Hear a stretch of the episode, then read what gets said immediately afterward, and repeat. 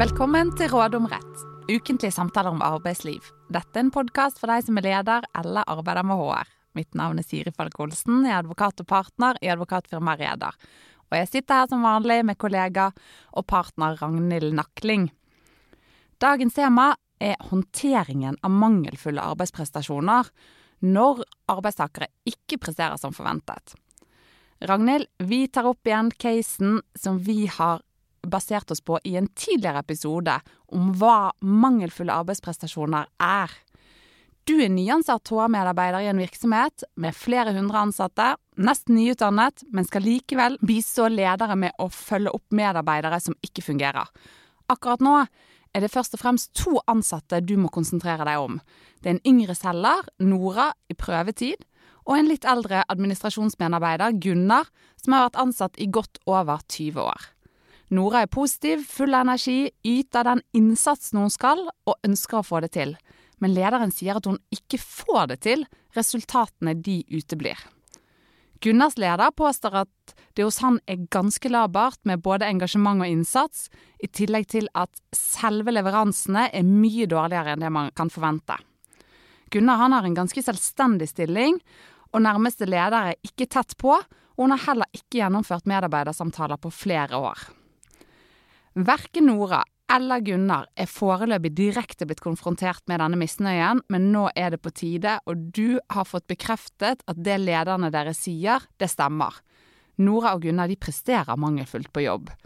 Så langt, så vel, men nå skal du hjelpe dem fremover. Dere er blitt enige om at mer formelle reaksjoner som advarsel eller oppsigelse, det er ikke aktuelt foreløpig. Så hvordan skal disse situasjonene da håndteres, mer uformelt i praksis? Ragnhild, hva er dine råd? Som så ofte i arbeidslivet, og i arbeidsretten også, så er det behov for skreddersøm her. Og hvis de avvikene fra forventet arbeidsprestasjon, da, her fra Nora og Gunnar, er veldig langvarige eller markante, så blir det fort snakk om formelle arbeidsrettslige reaksjoner, som for eksempel eller først og fremst advarsler eller oppsigelser. Men som du var inne på, i dag så skal vi først og fremst snakke om hvordan sånne situasjoner bør forsøkes løst. Og begge vi mener vel at det beste er å prøve å gjøre det først, uten å ta i bruk mer formelle rettslige virkemidler. Ja, det er jeg helt enig i. Og selv om arbeidstakere nok ofte vil oppleve en sånn oppfølgingsprosess som ganske krevende og formell, men hva gjør man egentlig da? Det viktigste det er jo å prøve å forhindre at mangelfulle arbeidsprestasjoner oppstår. Og det viktigste virkemidlet da, det er en grundig rekrutteringsprosess.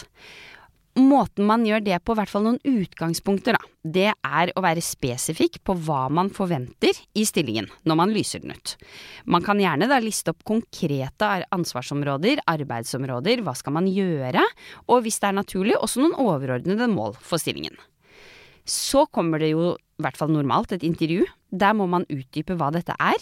Man må stille spørsmål. Hvorfor søker du? Hva er motivasjonen din? Spørsmål som er egnet til å avdekke om søkeren både har kompetanse, motivasjon, de virkemidlene han eller hun trenger, da, verktøyene, for at de skal fylle stillingen tilfredsstillende.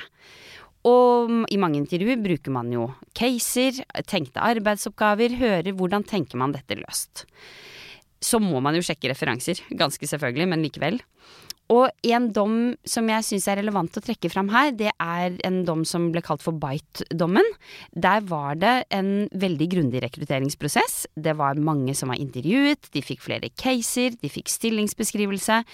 Og da fikk faktisk arbeidsgiver medhold i at disse ansatte selgerne de presterte da på et så mye lavere nivå enn det som kunne forventes, at selv om de ble sagt opp etter bare seks uker, ganske kort tid, så ble det likevel ansett som saklig.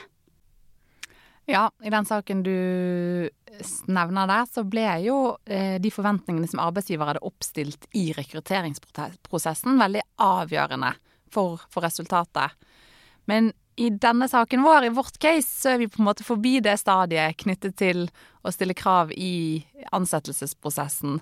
Så hva gjør man da, hvis kravene er stilt og det likevel ikke fungerer? Ja, det stemmer. Vi er forbi. Nå må de ta tak i dette. og før vi kommer dit, vi skal dit, men så må jeg også innom dette med at arbeidsgiver må sørge for tilstrekkelig opplæring. Videreutvikling av kompetansen, fordi nivået må jo på den opplæringen må tilpasses den enkelte arbeidstakeren. Nyutdannede vil ha mer for opplæring enn en erfaren arbeidstaker. Samtidig så er det jo en forpliktelse i arbeidsmiljøloven paragraf 4-2, særlig bokstav E, som pålegger arbeidsgiver en forpliktelse til å sørge for løpende oppfølging, opplæring, utvikle kompetansen i tråd med det selskapets virksomhetens behov er til enhver tid, og det følger også av mange tariffavtaler. Og jeg er også helt enig i det. Eh, men jeg tenker at vi er jo litt forbi også det stadiet med opplæring når vi snakker om Gunnar og Nora her. Og du sa at nå må de ta tak. Hvordan konkret gjør arbeidsgiver det, hvis man har bestemt seg for å gjøre det på en uformell måte, ikke med advarsler eller eventuelt en oppsigelse? Da innkaller de dem til en opplæringssamtale. Hver for seg, selvfølgelig. Ansikt til ansikt. HR-medarbeideren vår må delta. Og Nora og Gunnar må få klar beskjed. De leverer ikke den innsatsen og eller resultatene som er forventet ut fra det som er avtalt for stillingen. Og så må de også få klargjort hva som forventes av dem. Man må spørre, sikre seg, har de verktøyene de trenger? Og så må man dokumentere i etterkant. Det er jo det vi alltid sier vi advokater, men det er veldig viktig. Hovedpunktene i denne samtalen, det må oppsummeres i et referat, en mer uformell e-post, men det må skrives ned og sendes. Kanskje det er nok? Ja, det kan jo være nok, men basert på den casen vår, så tviler jeg litt på om man kommer i mål her. Så hvis man ikke gjør det, hva gjør arbeidsgiver videre da? Ja, det er et, eh, også fortsatt et konkret råd. Litt kjedelig, men likevel. Fortsett med møtene. Fortsett med jevnlige oppfølgingsmøter. For eksempel annenhver uke. Man blir jo skreddersøm her òg. Og da må man ha en Tydelig agenda for møtet, man må gi tydelige tilbakemeldinger. Man må sette delmål for den ansatte som da ikke presterer som han eller hun skal i stillingen. Som har da disse målene må jo ha litt varierende vanskelighetsgrad. De fleste jobber har jo både enkle oppgaver, litt mer avanserte så må man sørge for at arbeidstakeren faktisk er i stand til å utføre disse oppgavene. Det skal jo ikke være ting som vedkommende ikke skal gjøre i stillingen sin, men samtidig at det er noe å strekke seg etter, og at personen det gjelder også selvfølgelig får komme med innspill. Og så må man gjøre en løpende vurdering, da. Blir jobben gjort? Blir den gjort sånn som den skal? Når man målene? Og fortsette å lage referater. Men det er jo da viktig å si at man trenger ikke akkurat skrive en bok på disse referatene ord for ord. Korte referater med klare tilbakemeldinger, vurderinger og oppsummeringer er nok. Og poenget er jo at den ansatte da altså både skal bli satt i stand, men det legger vi jo da egentlig til grunn at han eller hun er, da, til å gjøre jobben sin, men også forstå at det er et krav, en forventning om at man faktisk gjør det. Det er vel der det har feila litt, da, for å si det sånn, med Gunnar. Og, og, for å gjøre det på en effektiv måte, men samtidig saklig, fordi i arbeidsretten så er det et overordnet saklighetskrav, så er det behov for jevnlig oppfølging og jevnlig dokumentasjon. Og et sånt løp som du beskriver, det kan jo høres litt intenst ut eh, og, og, og, krevende. Er det nødvendig med et så fastlagt løp som du beskriver, møter kanskje annenhver uke? Ja, altså at dette høres ganske intenst ut, det er jeg helt enig i, og det er jo sånn det også fort kan oppleves, egentlig både for arbeidstaker, men også for arbeidsgiver, som kan kvie seg på en måte for å gjøre denne oppfølgingen. Og så lar man det kanskje gå så langt at man ikke har tatt tak i det, og når de da kanskje eksempel ringer til oss, så vil de gjerne hoppe over denne uformelle håndteringen og gå rett til en løsning. Eh, og hvor på man må være, det varierer jo, men jeg vil anbefale å gå innom denne uformelle håndteringen. Fordi man må sette av tid, man må være litt utholdende. Det i vårt eksempel så tar det nok tid å få Nora litt sånn på rett kjøl. Og det tar kanskje enda lengre tid å få Gunnar ut av det sporet han har vært i litt for lenge. Det skjer ikke av seg selv. Det krever nå denne prosessen av deg som leder, av deg som HR-medarbeider. Men forhåpentligvis, målet er jo at den ansatte skal fungere. At man kommer ut styrket på den andre siden. Ikke uten at prosessen preger nok begge parter, men forhåpentligvis blir det bedre. Ja, og det må man jo som arbeidsgiver håpe på i et sånt tilfelle. Samtidig så ser jeg jo for meg at eh, Gunnar i dette caset vårt kan komme til å reagere ganske kraftig på dette opplegget. Eh, både du og jeg har vært borti lignende saker hvor det har kommet påstander om at arbeidsgiver mobber eller trakasserer i forbindelse med at man setter i gang den type oppfølgingsprosesser. Det vil si at liksom reaksjonen til arbeidstaker på en sånn oppfølgingsplan, det er 'dette er trakassering'. Hvordan skal man håndtere det som arbeidsgiver? Ja, Man må i hvert fall gjøre det på en veldig saklig måte, og ta arbeidstakeren på alvor. Og hva gjør man da? Eh, da er det igjen et møte. man må snakke om dette. Og man må dokumentere at man har snakket om det. Formålet med dette møtet det vil jo da være å diskutere de påstandene Gunnar har kommet med. Mobbing, trakassering. Eh, ordet varsling ligger jo også snublende nær her, det snakker vi om i en annen episode. Men man må jo da la arbeidstakeren få forklare hvorfor føler den personen seg trakassert, og eller mobbet. Man må unngå som arbeidsgiver å møte de anklagene eller påstandene på en veldig konfronterende måte, men samtidig ikke bli helt defensiv, det er jo en grunn til at man satte i gang prosessen. Så må man da prøve å vise at ja, det var en grunn til det, her er dokumentasjonen på hvorfor vi satte det i gang. Vi vil at du skal lykkes, vi vil at du skal gjøre jobben din. Det er, dette er å sette deg i stand til å gjøre det. Um, så tenker jeg også at det er naturlig å høre om har arbeidstakeren noen forslag til alternative oppfølgingsmåter, mindre inngripende.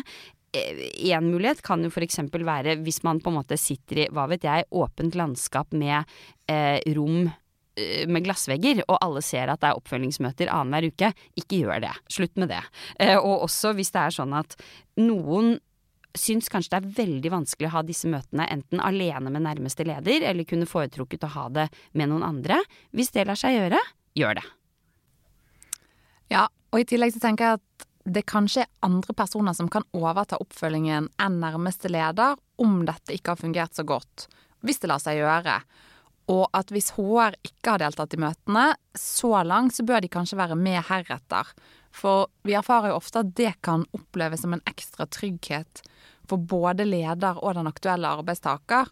For hvis det er sånn at Gunnars påstander om mobbing, trakassering ikke tas på alvor, så kan jo denne HR-medarbeideren i eksempelet vårt fort stå ovenfor en varslingssak i tillegg. Er du ikke enig i at det er en risiko for det? Jo, og som jeg var inne på, så har vi en episode om dette tidligere. Vi unner henne ikke å stå i en sånn situasjon, men det er jo ikke temaet vårt i dag. Et annet aktuelt virkemiddel som jeg tenker at under tvil også kan falle innunder dette med uformell håndtering, paraplyen er omplassering og eller endring av arbeidsoppgaver. Kan dette være et aktuelt verktøy i denne situasjonen, hvis Nora og eller Gunnar ikke forbedrer arbeidsprestasjonene sine, til tross for ganske tett oppfølging? Hva, hva tenker du om det? Jo, jeg tenker at det kan være et aktuelt verktøy. Det er Eh, hva skal jeg si, dette er jo ikke noe rettslig virkemidler, så jeg tenker at vi fortsatt er under den uformelle håndtering-paraplyen. Eh, og når det gjelder dette med omplassering, endring av arbeidsoppgaver, så er det jo viktig å si at å starte med å si at det kan man jo alltid bli enige om. Man kan alltid avtale det med arbeidstaker. Det kan være ønskelig fra arbeidstakers side òg. Kan være et godt alternativ. Man har prøvd flere ting, man lykkes ikke nå begynner du heller som dette. Kanskje Nora passer bedre i en stilling som ikke er om rent salg, det har jo vist nå i løpet av prøvetiden at hun ikke lykkes så godt med. Kanskje Gunnar er lei, rett og slett, av den stillingen han har nå, kan være bedre egnet til en annen rolle. Og blir man enig, så trenger man ikke lage noe mer ut av det, sørg for å dokumentere den enigheten. Men våre lyttere de lurer kanskje aller mest på hva som kan gjøres hvis man ikke kommer fram til en sånn enighet, men likevel ser behov for noen endringer i rolle-stilling. Hva kan de som arbeidsgiver bestemme ensidig, hvis arbeidstaker ikke er med på dette? Ja, og da kommer det veldig mye an på hva er avtalt mellom arbeidstaker og arbeidsgiver, og her kommer ordet styringsrett inn. Vi skal helt sikkert snakke om det i en senere episode, det kan fylle flere episoder, men kort forklart så er styringsretten arbeidsgivers rett til å organisere, lede, kontrollere og fordele arbeidet. Det er jo utgangspunktet i arbeidslivet, men styringsretten kan begrenses, og som oftest så er den begrenset. Av lover, kanskje av tariffavtaler, av arbeidsavtalen, og i tillegg kommer denne alminnelige saklighetsnormen inn på arbeidsrettens område. Likevel så er det greit å ha med seg at utgangspunktet er at arbeidsgiver bestemmer. Og hvilke alternativer har man for å utøve styringsrett i tilfeller hvor det foreligger mangelfulle arbeidsprestasjoner? Jeg tenker at vi da ser bort fra omplassering eller endring av arbeidsoppgaver som ligger utenfor styringsretten, for da må man ha saklig grunn for oppsigelse, og det er jo ikke tema i dag. Ja, altså som alltid da, nesten i jussens verden, så blir det en konkret vurdering. Og for eksempel i statsansatteloven paragraf 16 så står det jo rett ut at statsansatte de plikter å finne seg i endringer, de. I arbeidsoppgaver og ansvar. Men hvis man skal være innenfor styringsretten, så er jo de to mest aktuelle tiltakene det er enten at man forflytter personen til likeverdig arbeid, eller at man fratar den ansatte noen tilleggsoppgaver. Det kan man gjøre innenfor styringsretten. Og hvis vi da begynner med det første, å flytte noen til likeverdig arbeid, hva, hva vil det si? Det er en type endring eller omplassering som Høyesterett har akseptert i stor grad. Og det vil da si at man omplasseres til for det første et arbeid som naturlig hører innunder arbeidsgivers virksomhet. Det er dette man jobber med allerede i denne virksomheten. Og nummer to, at arbeidstaker er kvalifisert. Det er jo selvfølgelig en veldig forenklet eh, fremstilling, men disse to momentene og vilkårene er veldig viktige. Og for de som er ekstra interessert, så tenker jeg at de mest relevante dommene, det er en dom som heter Nøkk-dommen fra 2001, og en dom som heter Undervisningsinspektørdommen fra 2011. Der godkjente Høyesterett overføring til likeverdig arbeid, og fant at dette var innenfor arbeidsgivers styringsrett, dvs. Si dette kan arbeidsgiver bestemme. Selv om Nora, Gunnar, er uenig. Og det andre du nevnte, dette å frata eh, noen tilleggsoppgaver. Hva ligger i det? Ja, det ligger jo litt i navnet. Det er noen tilleggsoppgaver som man da kan ta vekk. Der er det ganske begrenset med rettspraksis, men det er likevel noen dommer fra 80-tallet. Generelt så er jo dette med mangelfulle arbeidsprestasjoner det er jo så individuelt og konkret, så det har sjelden på en måte nådd opp helt til Høyesterett. Men det som nådde opp, var to saker på 80-tallet hvor man spurte var det innenfor styringsretten å ta fra disse tilleggsoppgavene. Og der godtok eh, Høyesterett å gjøre det. Eh, uten at man kom til at det lå utenfor styringsretten, og derfor måtte ha saklig grunn for oppsigelse. Så helt konkret om Gunnar, da har noen tilleggsoppgaver som han ikke utfører, for det er jo mye han ikke gjør, eller gjør på en ganske dårlig måte, det er det dessverre også en del av, så kan det ligge innenfor styringsretten å bestemme at dette skal du slutte med fra og med x dato, og håpe at han da gjør jobben på en bedre måte når han kan konsentrere seg om hovedjobben. Én ting der som jeg tenker er viktig å ha med seg, det er at du kan ikke sette deg ned i lønn samtidig og si at nå gjør du jo mindre, du får dårligere lønn. Da er du automatisk utenfor styringsretten, og da må det være saklig grunn for oppsigelse. Ragnhild, så hvis du skal oppsummere og trekke fram tre forhold man må være oppmerksom på når man skal håndtere mangelfulle arbeidsprestasjoner uten å ta i bruk eh, direkte rettslige virkemidler, hva vil du da trekke fram? Det ene er at man helst bør håndtere problemene før de oppstår. Sørg for forventningsavklaring i rekrutteringsprosessen. Så er det at man må tørre å ta tak i problemet når det har oppstått, og sørge for å ha jevnlige oppfølgingsmøter og sørge for referater fra de møtene. Og så skal man huske at man som arbeidsgiver har et handlingsrom. Man har det når det gjelder omplassering, endring av arbeidsoppgaver, så lenge man holder seg innenfor styringsretten og gjør det på en saklig måte. Det var det vi hadde. Takk for i dag. Vi kommer tilbake med nytt tema og nye tips i neste episode.